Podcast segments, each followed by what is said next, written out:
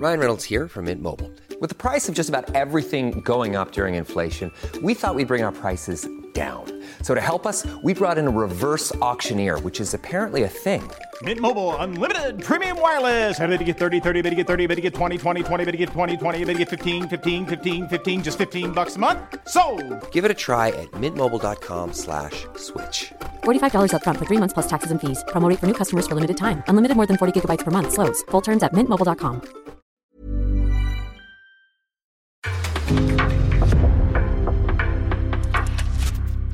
En podcast från Aftonbladet. Vi är framme vid den sista gruppspelsomgången och det är dags att skilja agnarna från vetet. EMs första skräll, det är att Norge med superstjärnor som Ada Hegerberg och Caroline Graham Hansen inte ens går vidare från gruppen. Dessutom snackar vi England och Tyskland, hur försvagade Frankrike blir utan Katoto och givetvis en massa om Sverige och ödesmatchen mot Portugal. Så vad väntar vi på? Nu sparkar vi igång!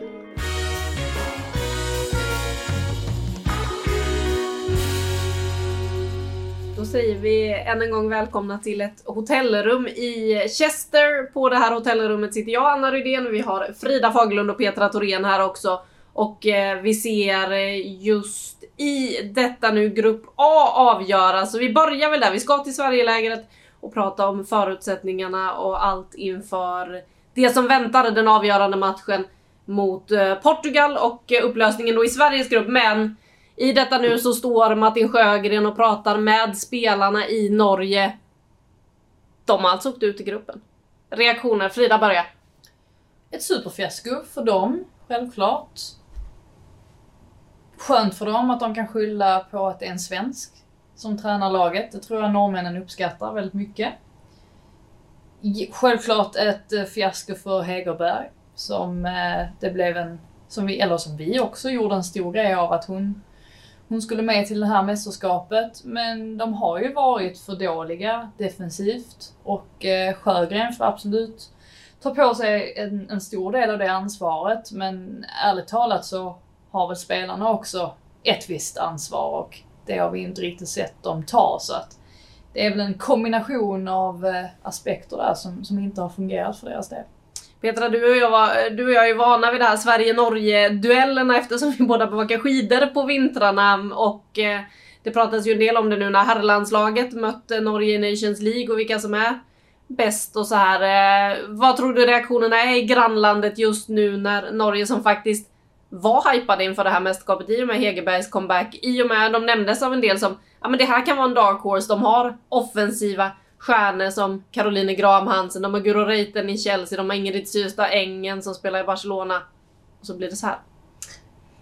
Ja, jag tror att, eh, eller vi vet, det har vi ju sett att kritiken eh, är väldigt, väldigt stark och eh, den riktas ju väldigt mycket mot, mot Martin då, som är med Eh, är förbundskapten där och det kanske det här samtalet han hade här nu kanske var det sista samtalet han har med spelarna för att det skulle vara förvånande nästan om det är så att han får fortsätta leda det här landslaget efter det här för att det är klart med den individuella skicklighet och den spets som Ada Hegerberg kommer in med så är det ju förvånande att man inte kan få ut mer. Inte ens då mot, mot Österrike här nu. Så att, eh, det snackas nog hej vilt. Det blåser rätt rejält där och, och vi kommer säkert se en, se en förändring. Um, sen när det gäller Sverige och Norge, ja, vi har ju våra kära norska läsare som, som följer oss och det är klart att uh, de har varit rätt tysta nu så att, uh, det är väl ett tecken i sig kan jag tänka mig. Ja, det är väl lite så och eh, som sagt då Österrike är de som tar eh, platsen vidare efter ett eh, mål av Nicole Billa till vardags i Hoffenheim. Eh, det är hon som avgör. Det är hon som ska göra målen för det här Österrike. Men hur mycket längre går de?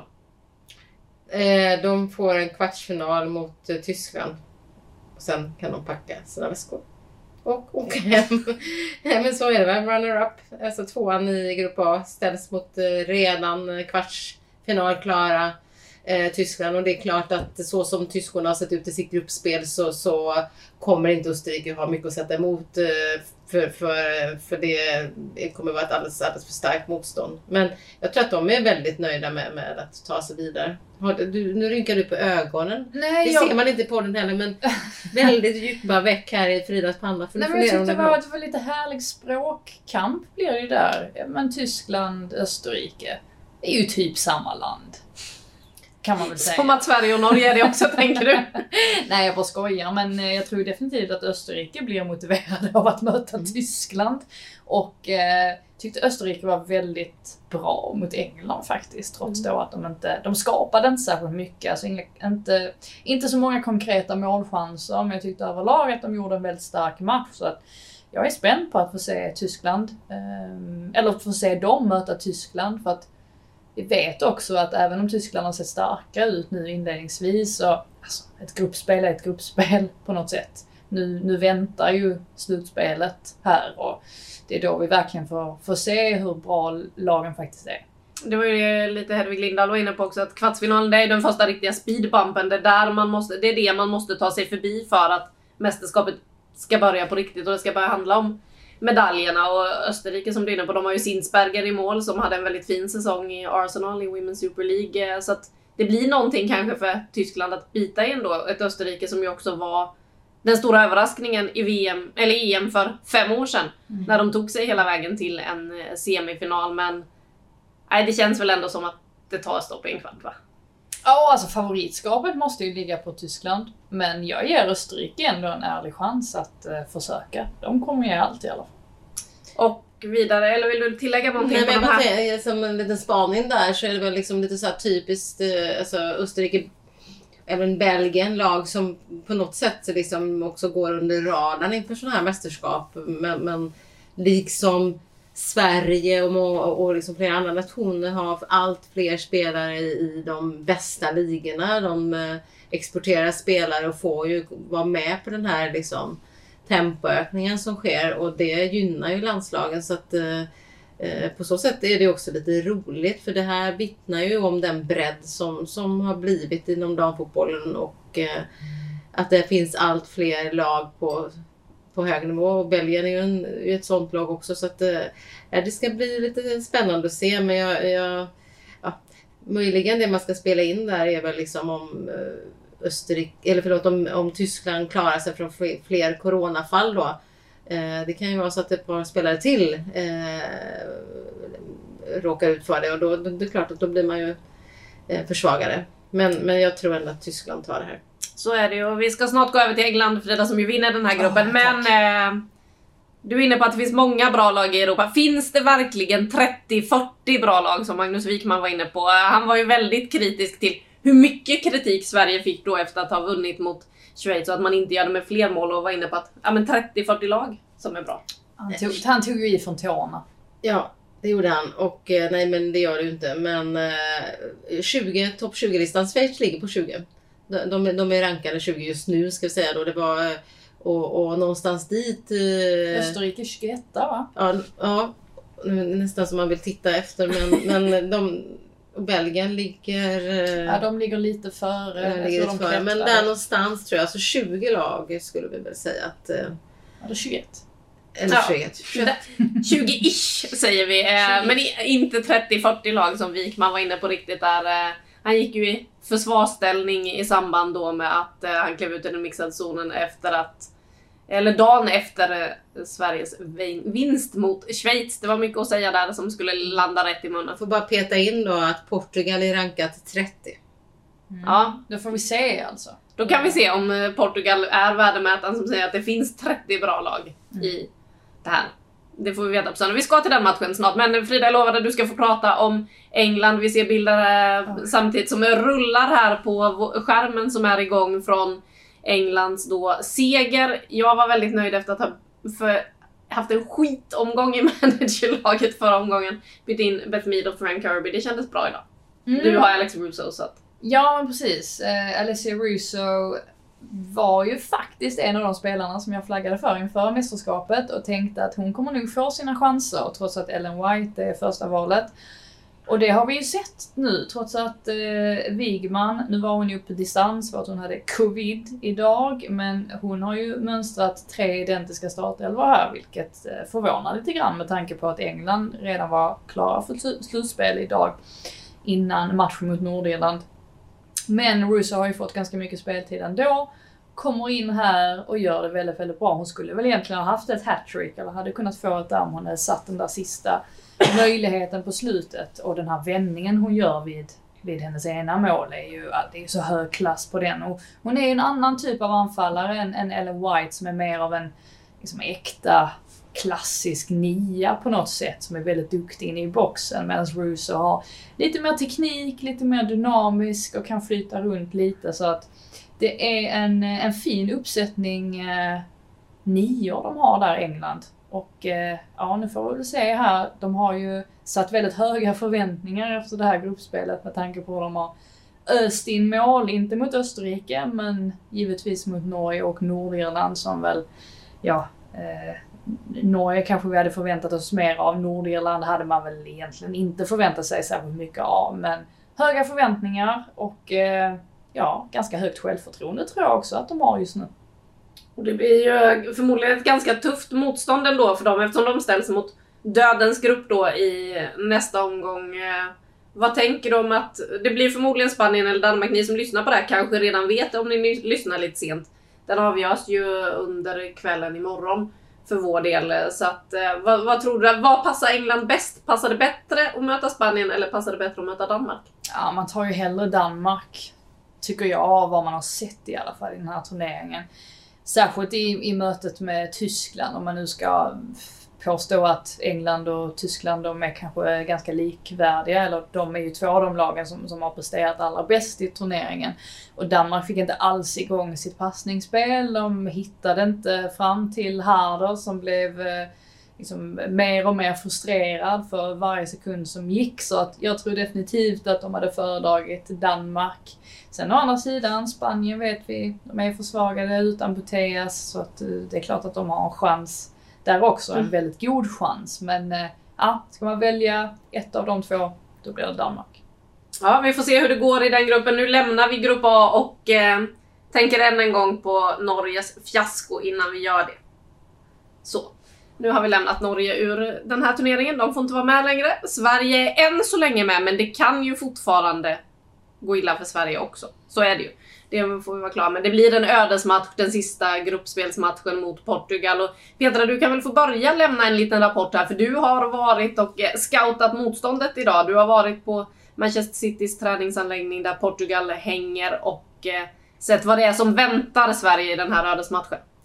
Ja, vad man nu kan se på 15 minuters träning. Exakt allt, alla taktiska detaljer. Vad ska du ge oss nu? Jag Startelvan vill vi ha. såg en, eh, s- en eh, liten kvadratövning på ett tillslag med två jagande i mitten och typ 7-8 spelare runt. Men det jag noterade där då, på den lilla 15 minuten var att de är i alla fall uppe över, över 10-12 eh, lyckade passningar varje gång och eh, jag har hört det svenska laget ropa succé och tjoat efter 5-6. Eh, det Det var en liten spaning. Men det som sägs i alla fall kring laget är att alla är tillgängliga, alla är friska och hela. Eh, Så det finns inga jättestora frågetecken så som det var då eh, i alla fall inför träningen. Det var en väldigt skön stämning i, i laget. Eh, eh, Såg väldigt så här glada, lättade ut. Eh, de skulle ju inte varit i EM egentligen utan den möjligheten fick de ju eftersom Ryssland som hade kvalat och spelat playoff mot Portugal eh, inte fick vara med på grund av eh, det rådande kri- kriget i Ukraina. Eh, så de har ju liksom här kommit hit, eh, det var väl du Frida pratade om det, 92 va? Jugoslavien, parallellen. Eh, när, när de eh, inte kunde ställa upp och Danmark kastade, kastade sig in i, in i turneringen och, och eh, kom liksom raka vägen från semestern typ med, med ölburken i handen mer eller mindre. Eh, riktigt så har det inte varit i det här fallet men de har haft korta förberedelser. Eh, Men de har en eh, förbundskapten, eh, Neto, som har jobbat med dem i åtta år. Det är, liksom har, det är en ganska lång utveckling som han har haft med det här laget. Det är en lång period. Han har byggt det här laget med en grund, solid stabilitet försvarsmässigt liksom bakifrån. Sen har de ju eh, kanske inte samma organisation, fysik och liksom taktiska förmåga som många av de eh, liksom, liksom nordeuropeiska länderna har. Men, men eh, rätt en bra liksom ändå tuffhet. De har en liten målvakt, det ska vi komma ihåg. Eh, men sen det som, som, som jag tycker är lite så här eh, varningsflagg som vi ska resa eh, liksom inför den matchen. Det är att de, de, de, när de vinner boll så går de väldigt snabbt upp mot eh, sista tredjedelen. Och det deras anfallare gör det är att de försöker liksom besätta ytor som inte, ja men så här, kanske inte går i traditionella mönster. Eh, de går gärna liksom på, på, eh, på ytor som, som normalt sett kanske inte inspelen brukar komma. Eh, och eh, Diana Silva där som gjorde mål senast är en lurig spelare som, som kan komma störtandes lite vad som helst. Och mot lite långsamma ben som vi vet det kan vara, fötterna går inte alltid snabbt i den svenska backlinjen, så kan det liksom bli lite luriga situationer där hon kan dyka upp. Eh, så att ja, inte helt eh, oävet lag och de har liksom allt att vinna, inget att förlora, ingen press på sig. Så att jag tror att det kommer bli en rätt svår match för Sverige. Ja, och eh, Hedvig Lindahl var ju inne på lite samma grej som du är inne på på slut här. Vi kan väl lyssna på vad den eh, svenska målvakten eh, sa idag. Så är det ju. De fick en gratisplats i EM och de kör ju bara, så det är väl härligt. Ehm, och vi har ju stora förhoppningar och förväntningar utifrån och vet vad vi kan. Så såklart att om vi ska prata om någon press eller så, så det ligger det ju på oss. Men vi tror ju att vi är redo för att hantera det. Ja, Hedvig håller med dig helt. Eh, det var väldigt bra för jag har ju inte hört vad Hedvig har sagt innan men det kändes ju väldigt fint att få det bekräftat här då. Tack Hedvig! Ja exakt och eh, Frida du har varit inne på det, du såg dem i Algarve när de mötte Sverige, just den här speeden som finns mot den svenska backlinjen. Idag fick vi ju träffa Linda Sembrant då som ju är en mittback där det har funnits frågetecken i hela den här uppladdningen. Först så fick hon ju problem med foten efter att ha gått in i en duell med Lina Hurtig på träning i Båstad. Sen så blev det någon följdskada i vaden som har hållit henne borta. Jag vet inte hur många gånger hon fick frågan idag. Har du 90 minuter i dig Linda? Den ställdes på väldigt många olika sätt. Mm. Eh, Linda Sembrant eh, sa att hon är spelklar i alla fall. Hon ger inget om hur många minuter men känslan när man lyssnar på Linda Sembrant är ju att eh, ja, men hon har ju minst 45 i sig, nästan upp mot, i alla fall 60 skulle vara min. Utan haft med-teamet då, Petra Thorén med oss på det här för att analysera så känns det ändå som att Linda har ganska mycket speltid i sig. Så vi fortsätter den här diskussionen som vi har haft inför varje match. Hur ska Sverige spela i sin backlinje? Vilka mittbackar ska starta mot Portugal? Frida, om du får börja här med tanke på då speeden vi vet att Portugal har. Vi har sett de två inledande matcherna. Ja, alltså det är ju svårt när vi inte får se alltså hela träningar. Det är klart att de har så mycket bättre insyn än vad man själv har.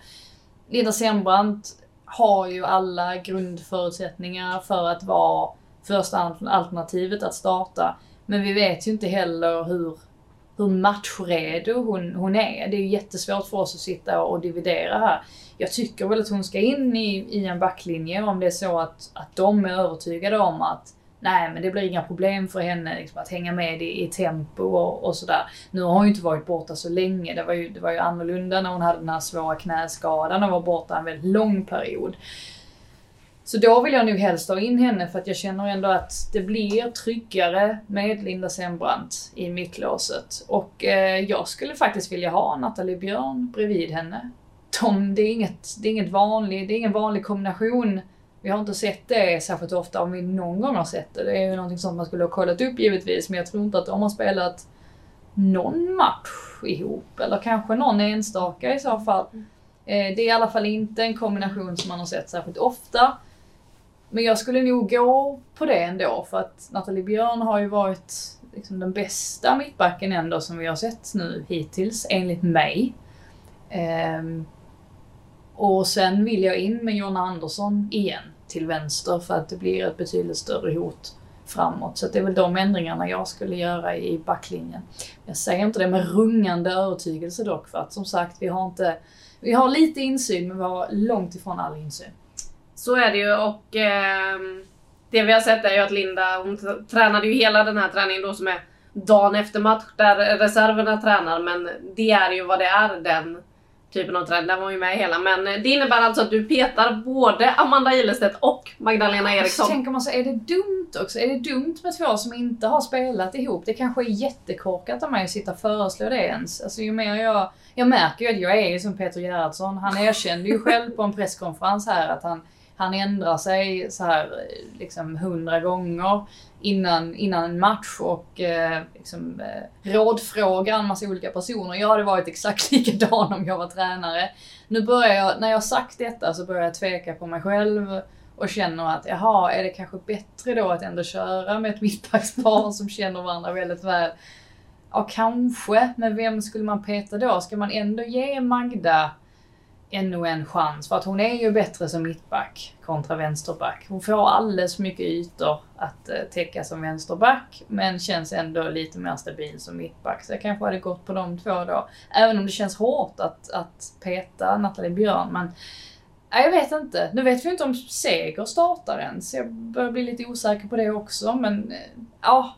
Jag, jag, jag lämnar det i luften så får Petra få ta över. Och vi kan ju också bara flika in att osäkerheten kring seger bland annat då grundas i att hon inte kommer dyka upp på presskonferensen inför matchen för Sveriges del där de brukar skicka fram lagkaptenen. Enligt presschefen så har de roterat tidigare men bland annat då under VM 2019 när de gjorde det. Ja, då var det ju en match där man också roterade i princip hela startelvan då i den sista gruppspelsmatchen mot USA när man skickade fram Hedvig Lindahl istället. Så Petra, mittbackar. jag ser vad ni tittar på mig. Eh, ja, alltså, Facit. ja, nej, det är jag verkligen inte. Jag- Det är, men, men jag lutar mig lite grann åt det som jag då i, i min roll som medicinska rådet i, i våran trupp eh, sa förra gången och det var att för att Linda Sembrand ska vara aktuell från start så skulle jag vilja ha sett henne eh, 30 minuter eh, i förra matchen. Bara för att liksom få se henne i en matchsituation. Och vi vet inte om det kanske hade varit planen om Sverige hade haft ledningen med 3-0. Att man liksom, okej då gör vi de här bytena för, att ge Linda den möjligheten.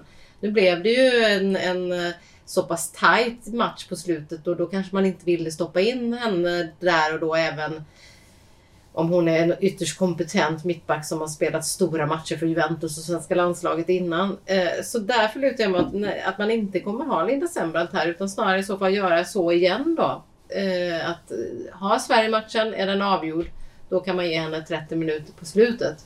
Ehm, men det som är lite jag ska inte använda ordet oroväckande, men det som, det som man kan fundera över tycker jag lite grann, det är ju att när man ser ett lag utifrån så brukar mittbackarna vara det lättaste att ta ut. Mm. Det kan vara lite mer förändringar på de offensiva positionerna du kan ha på yttrarna. Men du brukar ha liksom en, en, en ryggrad, en central linje i ditt lag med en målvakt, två mittbackar, central mittfältare och så. Liksom, som alltid är given. Och så var det ju under VM 2019. Så var det under VM och sen blev det inte riktigt så under OS eftersom skador ställde till lite grann där och så bytte de. Men, men det tycker jag är snarare eh, lite liksom utmanande. Att, att, eh, vil- vilka är Sveriges mittbackspar? Och, vilka, är det från de början? Ja, och Ja, vilka jag tror att de det hade varit bästa? Linda Sembrant och Magdalena Eriksson om inte om inte hon hade gått sönder. Eh, Men det får vi ju aldrig veta. Men det tror jag. Ja. Eh, Så det troliga, eh, det troliga är nog att eh, antingen startar han med Amanda Ilestedt och Nathalie Björn som senast eller också så är ut med Björn in med, med Magda.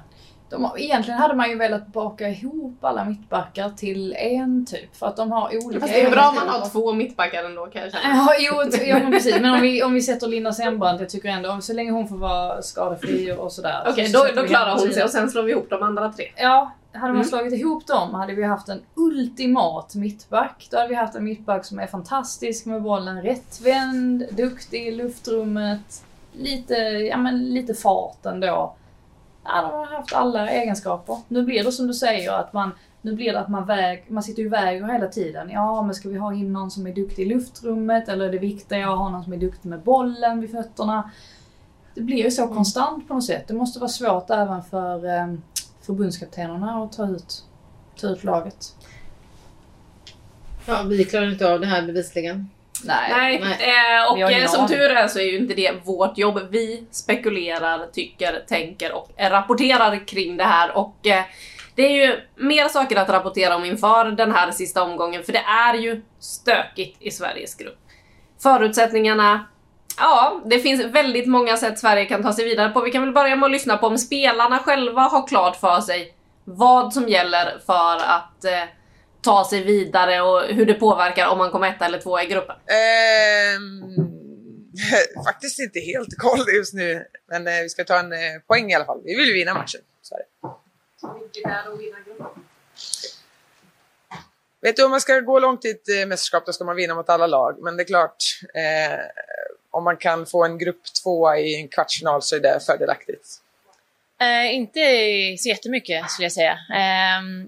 Vinna matchen helt enkelt. Det är det som jag mest kollar på att vi vill göra. Eh, så att jag tror att det, det är väl det som är viktigast utifrån att vi är matchplan för att vinna matchen och vi ska gå ut och göra den. Och, och sen såklart under matchens gång utifrån att matcherna spelas samtidigt eh, eh, kommer det säkert vara, komma olika direktiv på ett eller annat sätt. Men någonstans det ligger helt på våra vår ledarstab och, och tränarna. Så att, eh, nej, jag skulle inte säga att jag har koll på alla detaljer. Hey, I'm Ryan Reynolds. At Mint Mobile, we like to do the opposite of what Big Wireless does. They charge you a lot, we charge you a little. So naturally, when they announced they'd be raising their prices due to inflation, we decided to deflate our prices due to not hating you. That's right. We're cutting the price of Mint Unlimited from $30 a month to just $15 a month. Give it a try at mintmobile.com slash switch. $45 upfront for three months plus taxes and fees. Promo rate for new customers for limited time. Unlimited more than 40 gigabytes per month. Slows. Full terms at mintmobile.com. Nej, det låter lite som på när Amanda Ilestedt kom ut i den mixade zonen dagen efter Sverige hade besegrat Schweiz och hon stod och upprepade mantrat Det viktiga var att vi vann matchen, det viktiga var att vi vann matchen. Det blev en tuff match, eh, men vårt mål var att vinna matchen och det var det vi gjorde. Så det är vi nöjda med. Vi har pratat om att vi, är väldigt nöjda med vinsten och det var det vi gick in för och, göra- vinna matchen. Vi, som sagt så är, så är vi väldigt nöjda med att vi vinner matchen. Eh, och, eh, vi har många delar i, i spelet som vi är nöjda med. Så att, eh, men också givetvis så känner vi att vi, vi har fler nivåer att nå. Men, eh, ja, men vi, vi, vi känner oss nöjda med det resultatet och att det sen blev en väldigt tuff match och, och att vi vinner den är vi väldigt nöjda med. Som sagt, vi är väldigt nöjda med att vi vinner matchen och vi var förberedda på att det skulle bli en tuff match. Och eh, att vi vinner den så är vi nöjda med. Hon ville inte prata något om det här med målskillnad och grejer och vad Sverige hade kunnat dra ifrån med och så vidare. Men eh, ja, nu är det ju väldigt många faktorer som kan spela in i den här sista omgången med tanke på hur jämnt det är mellan Sverige och Nederländerna. Apropå att komma ett och två. Sverige kan till och med missa att ta sig vidare mot kvartsfinal. Petra, har du rätt ut alla förutsättningarna? Nej, det har ju TT gjort. Lasse Mannheimer har ju, eh, vår kollega, har ägnat, sig, ägnat mycket tid och kraft åt det. Eh, sen har vi självklart tittat på, på eh, liksom EFAs eh, regler, eh, vad som gäller. Eh, men, men det är eh, liksom, du- vi skulle kunna sitta och dra alla olika scenarier men det, det är väldigt enkelt att, att skala det ner till liksom, vinner Sverige, då är, är Sverige vidare. Eh, och eh, kan till och med förlora med rätt resultat med sig och, och, och ta sig vidare. Eh, oavgjort. Ta sig vidare. Eh, sen handlar det då om man ska bli ett eller två. Så att, eh, eh, jag tror inte vi ska... Nej, vi ska inte grotta ner oss i alla detaljer för då kommer folk stänga av. Ja, precis. Ja. Men, eh, men det kommer ju vara en minutkamp om det är så att Sverige inte...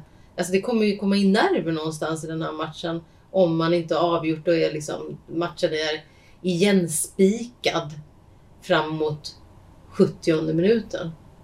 Eh, och det tycker jag blir oerhört intressant för det ledarskap, coaching vi har sett från Peter Gerhardsson och Magnus Wikman har inte varit riktigt övertygande. Alltså deras möjlighet till flexibilitet och förändringar. De pratar mycket om slutelvan men, men eh, vi var ju inne på efter matchen eh, senast då mot eh, Schweiz att förmågan att förändra innan man gör byten är inte så, så övertygande. när man ser att spelet inte fungerar när det kör fast. Det är svårt att få ut budskap på plan givetvis.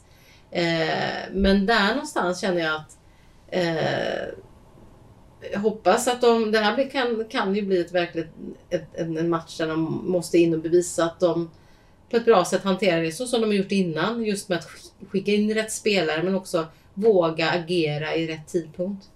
Ja, det blir ju nästan som att de sitter och väntar på att det bara ska börja klicka. Alltså som under första halvleken mm. där. Det funkade ju inte att ha Hurtig ute till höger. Och det är ingenting på henne egentligen för att hon, det är en ovan position. Hon föredrar att spela centralt eller till vänster. Jag har förståelse för att det kan vara, att det är tufft då att gå in och försöka göra någonting. Och det som var intressant med henne också var ju att hon nämnde i, idag själv återigen det här med relationerna. Att relationerna inte var särskilt bra. Och det är någonting som vi har tagit upp väldigt mycket det här med att det är oroväckande hur ofta de nämner att relationerna inte, inte stämmer. Och äh, ja, med, med henne till höger så gjorde det ju inte det i alla fall. Och det var ju ingenting som de ändrade på särskilt snabbt. Trots att nästan till alla kunde se att det inte riktigt fungerade. Och samma sak med, med Magda då till vänster, att, att det var kanske ingen, ingen lysande idé men ändå så, så stod man liksom stod man kvar eller höll fast vid det. Och de vinner ju matchen visserligen, men samtidigt så, så kändes det som att det blev onödigt eh, Ja, alltså det, det tog onödigt lång tid innan Sverige fick till det här trycket mot, mot slutet då, mot Schweiz. Att... Ja, och Magnus Wikman sa ju det att de funderar och diskuterar eventuella byten i halvtid men valde att köra vidare med det med, med, så som det var och det är ju ett beslut som man tar då. Eh, då hade de ju i alla fall diskuterat det men då väljer man ju liksom lite grann att vänta ut läget. Men en så här extremt enkel förändring som du kan göra i ett sånt läge det är ju faktiskt att kalla till dig Lina och säga Hörru Lina, kliv över på vänster kant, skicka över Fridolina på andra kanten. Vi bara byter kant på er och ser vad som händer i 10 minuter, en kvart. Mm. Alltså det, Lina trivs ute till vänster. Vi vet att eh, Rolfö kan vika in från högerkanten det är ju en sån där justering som... Det, gör alla lag. Nej, men, ja, det gör ju alla lag och det borde spelarna göra själva. Ja, det ser man ju. Det är ju kvittar om det är Man City eller, eller vad det än är. De, de skiftar ju kant alltså tre, fyra mm. gånger mm. per match. Mm. Bara för att friska upp det ibland om de har kört fast. Ja, och inte ens det händer ju faktiskt. Nej. Så att, uh... Jag vet inte om det är att Fridolina verkligen, verkligen inte vill spela till höger. Om det är så enkelt och att uh, de helt enkelt bestämmer sig för att gå på jag tror inte att hon har sista ordet givetvis, men Lina vill ju uppenbarligen spela till höger. Nej, det... men Kosovare Sane spelade ju till höger i eh, öppningsmatchen. Alltså, typ. Ja. ja, typ. Alltså utgångspositionen taktiskt i alla fall var det. Och nu när hon blir fastlåst mm. i spelyta två ja men ut med henne då på kanten in med Lina mm. centralt. Mm. Alltså spelarna som själva. Som hon var mot Brasilien. Ja. Mm. Varför, varför fattar de inte egna beslut som, som, jag menar, det behöver inte komma från bänken allt och där undrar jag lite grann att eh, eh, så vad problematiken sitter när det blir, när det blir så fastlåst eh, som det har blivit nu och till slut en frustration då. Och Kosse sa ju det själv, hon var väldigt irriterad. På, det kan man säga. Fly förbannad sa hon till dig. Jajamän. Nej, men... Det kokade. Man till och med såg liksom hur ångan kom bakom det där munskyddet som de numera har på sig i och med att eh, Corona sprider sig igen och eh, de tilltar ännu mer säkerhetsåtgärder. Men jag, jag undrar också hur det tas emot i gruppen. Mm. Att Kosse, Kosse gör ju vad hon vill. Hon, hon bryr sig inte om, liksom, om ja, alltså, och, och hålla sig till några regler och sådär.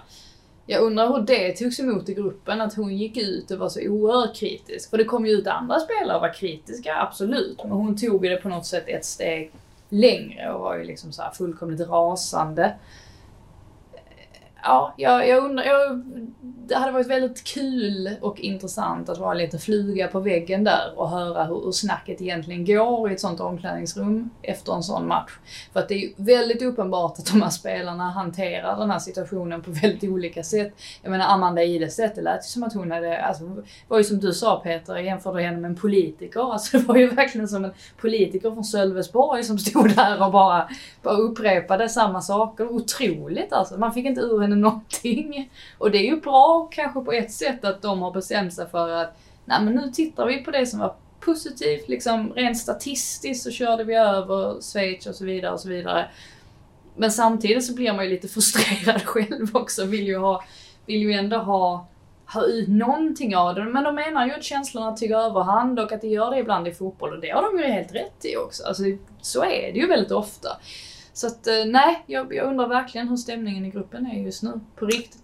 Ja, för när Ilestedt kom ut, det var ju då dagen efter eh, när hon hade sovit på saken. De hade haft sitt matchmöte dagen efter, pratat ihop sig och så kom hon ut där och liksom upprepar mantrat om att det viktiga var att vi vann matchen. Det, det här med målskillnad och allt det där skulle... Jag tyckte det var skönt att eh, Lina Hurtig höll sig i alla fall inte till manuset idag. För manuset verkade ju först vara det här med att det är mycket känslor i fotboll. Mm. Och eh, vi gjorde ändå en bra match. Hon var ju ändå så här. "Ah, vi käkar upp dem defensivt.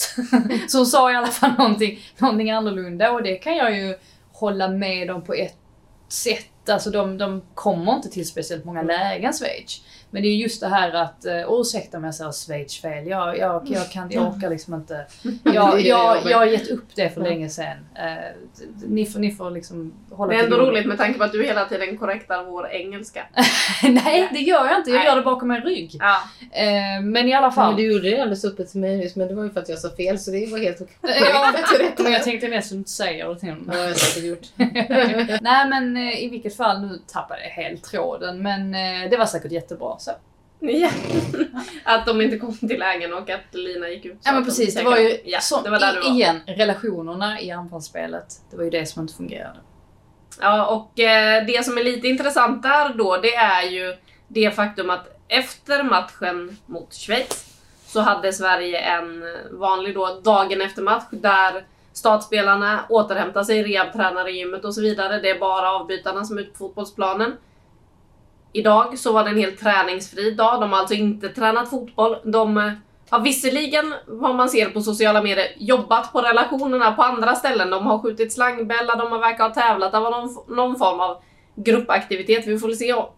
Kolla med Magdalena Eriksson om det har förekommit fusk denna gången också, likt eh, som på midsommar. Eller om det var rättmätiga vinnare den här gången, om det nu fanns vinnare. Men de har i alla fall inte varit på fotbollsplanen för att jobba på de här relationerna. Utan det är träningen som de har dagen innan match på matcharenan. Det är den fotbollsträning de har mellan de här två. Hinner man hitta relationerna på den tiden? Relationerna finns där sedan tidigare så att jag tror att det är mycket med liksom tajmingen och, och liksom hitta rätt, eh, hitta liksom, liksom dynamiken i, i, i relationerna. Det som jag skulle kunna tycka att det hade varit bra eh, det är väl liksom om det finns en sån här liten belastningsrädsla i laget att, att eh, de skulle behöva blåsa ut lite grann. Eh, eh, och vi såg ju på den här träningen, tyckte jag var spännande, den träningen då som var dagen efter match. Eh, så genomförde de ju just det som vi faktiskt pratade om förra gången i bilen på vägen hem. Att de behöver blåsa på lite grann. Eh, De gjorde en kontringsövning där de fyllde på med spelare. Det var först en mot mål och sen kom det in var det två mot där. Det såg två kul mot ut. Ja, den såg jätterolig ut den övningen.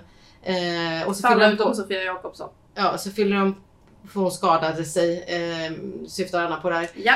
Eh, så fyller de på med fler och fler och fler så de var i, helt plötsligt var de i ett eh, fyra mot två läge och sen var man i ett fem mot fyra läge så det blev en väldigt intressant dynamik. Det var mycket beslut som skulle fattas på ett snabbt- men framförallt så var det högt tempo och jag vet inte hur många gånger man hörde Magnus Wikman löp igenom, löp igenom.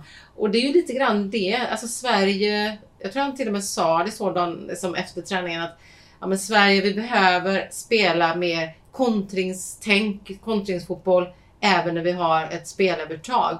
Det innebär att man får liksom inte sluta med de här löpningarna. Du får, du får löpa för att trycka ner en backlinje, du får löpa för att skapa en yta. Eh, du kan liksom inte löpa och vända tillbaka, bli felvänd. Du kan inte hela tiden ta, gå ner och ta emot felvänd utan de behöver sätta fart för att liksom trycket, få tryck i spelet och tempo i spelet. Och jag tror att då kommer relationerna av sig själv för det såg vi vid eh, eh, Sveriges första mål att när de inte behöver tänka då, då finns relationerna där. Eh, och det kanske är lite grann om man åker på semester, man är med, tillsammans med sin familj, då kommer ställs relationerna på, på sin spets på ett annat sätt. För hemma i vardagen funkar alltså lite mer vardag, lite mer ös liksom. Sluta tänk för mycket. Och lite mer idioten på träningarna. Ja, lite mer, och sätta, sätta lite mer högt tempo det, och det har vi saknat. Och med det sagt då så undrar jag verkligen om eh, det här sättet att avstå en träning och liksom dessutom gå in på spat. Jag tror att det är skönt för att byta mentalt eh, fokus och göra någonting annat. Men, men eh, jag har sett att, eh, vi pratade om det när jag var på väg då till Portugals träning, att Portugal har kört träning då eh, alla dagar efter matchen senast eh, eh, mot Nederländerna där de förlorar knappt med 3-2. Och eh, de, eh, de eh, använder den tiden för, för de taktiska genomgångarna. Och Carolina Mendes som jag frågade då, anfallare, hon har spelat i Djurgården 2016 var hon där. Kanske någon som känner, känner igen från den säsongen. Hon kände i alla fall igen Johanna Rytting Kaneryd på, på bilden, på Instagram-bilden när hon var på spat. Och så undrar hon lite grann om inte Olivia Skog fanns där någonstans också. Nej, men hon sa att hon hade spelat med henne. Men hon, hon var ju ganska så cool och säger Nej, men tycker Sveriges coach att det är bra för, för det, deras lag att gå på spa så, så har ju alla lag olika sätt att förbereda sig för. Vi gillar att vara på plan och vi känner att vi kommer vara tillräckligt förberedda när vi kommer ut. Eh, Det var en liten passning där i alla fall. Eh, Mm. Sen får vi väl se vilket koncept som är vinnande. Men Ehm, jag tror att de måste upp, och vi har varit inne på det innan. Det är, någon, det är någon, no, någonting i tempot som inte stämmer. Vi, eh, du, vi var ju inne på det i början när vi började prata om den här matchen som väntar att eh, Portugal eh, liksom har halkat in på ett bananskal i den här turneringen. Att man har fått Rysslands plats då i den här gruppen. Men tittar man också på det faktum, alltså Portugal har gjort fler mål än Sverige så här långt. Hur förvånade är ni över det? De har mött då samma motstånd men har gjort fler mål. Mm. Ja, det är inte kul. Eh, nu, nu skiljer det ju inte jättemycket. De har väl gjort ett, Ja. ett mer. De Ett fler mål. Ett mer mål. Ett fler mål. Ja, hur man nu än säger det. Men ja... Portugal är väl ett sånt lag också som jag är inte förvånad över att de har gjort mål. För att som sagt när de mötte, jag vet att jag, jag låter som en eh, hackande skiva för att det, det enda jag kan referera till är den här matchen i Algarve Cup. Men då såg man verkligen att de har de här djupledshoten och där, därav är jag inte förvånad över att de har gjort mål, men det är väl just det här att Sverige, liksom de gjorde då, att de måste på något sätt vara trygga i att de kan vinna matchen över 90 minuter. Så även om det skulle vara så att Portugal får in ett tidigt mål så måste bara Sverige behålla lugnet och veta att de har ju på något sätt spelare som de kan kasta in och få en sorts, ja, som Gerhardsson alltid pratar om, en slutelva som Portugal absolut inte har. Så att så länge de ändå håller ihop det tillräckligt mycket och vi vet om att även om vi sitter och pratar om, och det har vi ju alltid gjort det här med att eh, det finns liksom vissa svagheter i defensiven så är det ändå överlag en bra defensiv. Så att det blir väldigt, väldigt viktigt att eh, täppa igen där så mycket som möjligt och även om det inte skulle klicka direkt så ändå behålla lugnet. Men jag hoppas i den här matchen att man utnyttjar kanterna på ett betydligt bättre sätt än vad man gjorde mot Schweiz. Och det gjorde man väldigt bra mot Nederländerna men det berodde ju väldigt mycket på formationen då ju. Så att eh, Eh, det blir intressant att se om, eh, ja, om de väljer att säga åt ytterbackarna att eh, trycka upp högre. För att det tror jag verkligen behövs om man ska se till att straffa dem, straffa dem offensivt. Ja, det blir en spännande match det här och det som också står på spel då, det är ju om nu då Sverige vinner sin match, vilket spelarna hoppas på för att inte behöva tänka på för mycket av de andra förutsättningarna, men det kan ju spela in då beroende på om man blir etta eller tvåa. Och det handlar ju om att undvika Frankrike framförallt i gruppen. Frankrike klarar gruppsegrar i den andra gruppen. Så att kommer man tvåa i Sveriges grupp, då blir det Frankrike i en kvartsfinal. Petra, hur starka är Frankrike nu då? För nu såg vi ju Katoto kliva av skadad. Beskedet är att hon tyvärr missar resten av EM. Ja, det är jättetråkigt att en eh, stor spelare, en skicklig anfallare, en, en, en superstjärna.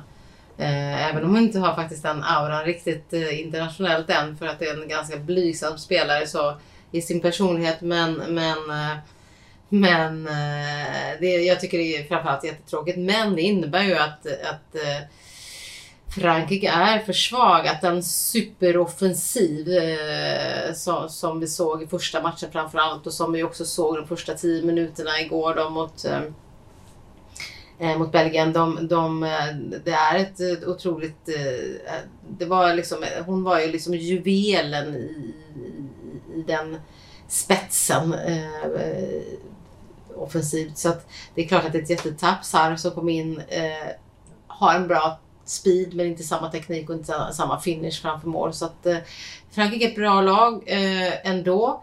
Eh, kommer bli jättesvårt för Sverige men eh, det finns lite, det finns faktiskt en hel del svagheter i laget. Vi ser att eh, som samarbetet mellan målvakt och backlinje inte är superduper. Det funkar inte, inte helt dynamiskt och, och spänstigt utan det blir en del missförstånd. Målvakt som släpper en del returer ut och, och liksom eh, eh, Renard som är en fantastisk ledare men som inte riktigt är påkopplad i alla de där lägena heller. Och eh, det är klart att, att med eh, Katoto borta så, så blir det ju inte så omöjligt som det hade känts annars. För det, annars hade jag, jag bara tänkt att Sverige kommer inte ha en chans. Nu känns det faktiskt som Sverige kanske har en ändå liten chans. Ja, jag sitter med samma känsla. Tyckte hade Belgien bara, hade de haft det där sista lilla, de slog bort en del onödiga bollar. Men hade de haft den där sista lilla tekniken, skickligheten, då tror jag att de hade kunnat få med sig en, en poäng från den matchen. Även om Frankrike givetvis, de hade ju sina lägen och sådär och de fick en straff. Och Renard givetvis borde ha gjort mål på. Men... Returen. Ja, precis. Jo tack. Ja, men, men Den det, hade till och med jag satt som inte har någon bollkänsla i fötterna utan bara i händerna. det slår du fast här. Ja, absolut. Ja, men jag tyckte ändå att Belgien, de, de överraskade ju ändå en del och kom, kom o, överraskande nära Frankrike så kan man säga. Och det fick man ju känna liksom att ja, men kan de komma så nära då kan Sverige definitivt också göra det. Det känns ju ändå lovande men först måste Sverige då ta sig förbi hindret som är Portugal och ta sig vidare till den här kvartsfinalen. Så vi inte gör en Norge som vi säger nu.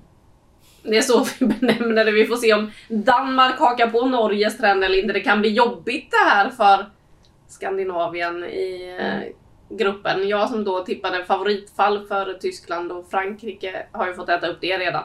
Eh, tänkte att skandinaviska lagen skulle leverera. Mm, vi får väl se hur det går. Vi, eh, har ni något mer ni vill tillägga här innan vi stänger igen podden? För idag 5 plus ska vi dela ut. Är det någon som har 5 plus i bakfickan till någonting? Det är ju inte till Norge i alla fall. Ja, Lina Hurtigs morgonhumör kanske. Vi ger 5 plus till Lina Hurtigs morgonhumör. Eh, Det tycker jag hon förtjänar. Hon är en riktig solstråle på morgonen. Och nu är jag jättesarkastisk när jag säger det. Men hon är, hon är väldigt skön. Eh, Hon är, hon är en sån där spelare som, hon är verkligen sig själv. Oavsett om hon står framför en kamera eller pratar med oss. Och det tycker jag är jäkligt befriande. Det är skönt med sådana människor. Ofiltrerat och härligt. Ja, och när hon eh, säger något så är det för att hon verkligen har någonting att säga. Yes. Annars låter hon bli. Så att, eh, jag gillar också Linas eh, obryddhet eh, och eh, har ju den stilen även på plan. Så att eh, visst, varför inte? Förra gången fick eh, hennes dotter 5 plus. Oj, ja, det vi, blir vi, lite nu får dina familjen. Hurtig här faktiskt kanske. Ja, men jag är svag för henne, det, kan, det, det, har, det har säkert folk märkt. Liksom. Det, det är därför jag desperat hade velat se henne göra en bra insats till höger, men det blev inte så. Så att nu är frågan, nu är frågan hur man ska få in henne i, i startelvan. Vi, vi får väl se hur det blir.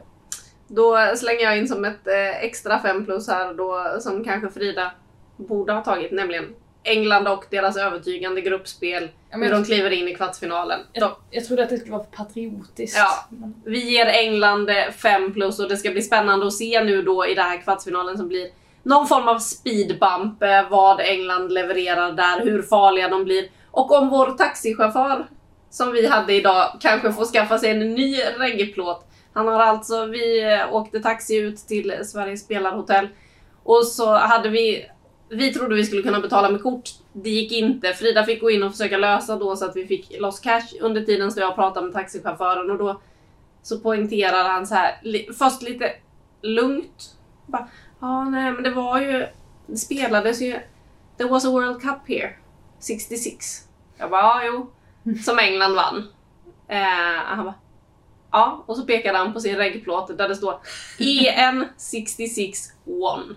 Ja, han var stolt över den. Den var han stolt över. Han hade letat efter den i flera år, fick den till slut i födelsedagspresent, avslutade med att säga att ja, en sån kan ju inte ni ha för Sverige har aldrig vunnit VM. Nej, så den fick man ta en bild på. Ja, det fick man. Så att, ja, nej, vi får se hur det går för eh, Englands damer. Han trodde på dem eh, och eh, trodde att de kan gå långt så att vi får väl se om han får rätt eller inte. Med det så klappar vi ihop det här avsnittet. Vi är tillbaka efter Sverige-Portugal. Vi får se om det är då vi ska åka hem eller om det är vidare mot en kvartsfinal och i så fall vilka Sverige får möta där. Med det så tackar jag så hemskt mycket för att du har lyssnat hela vägen hit.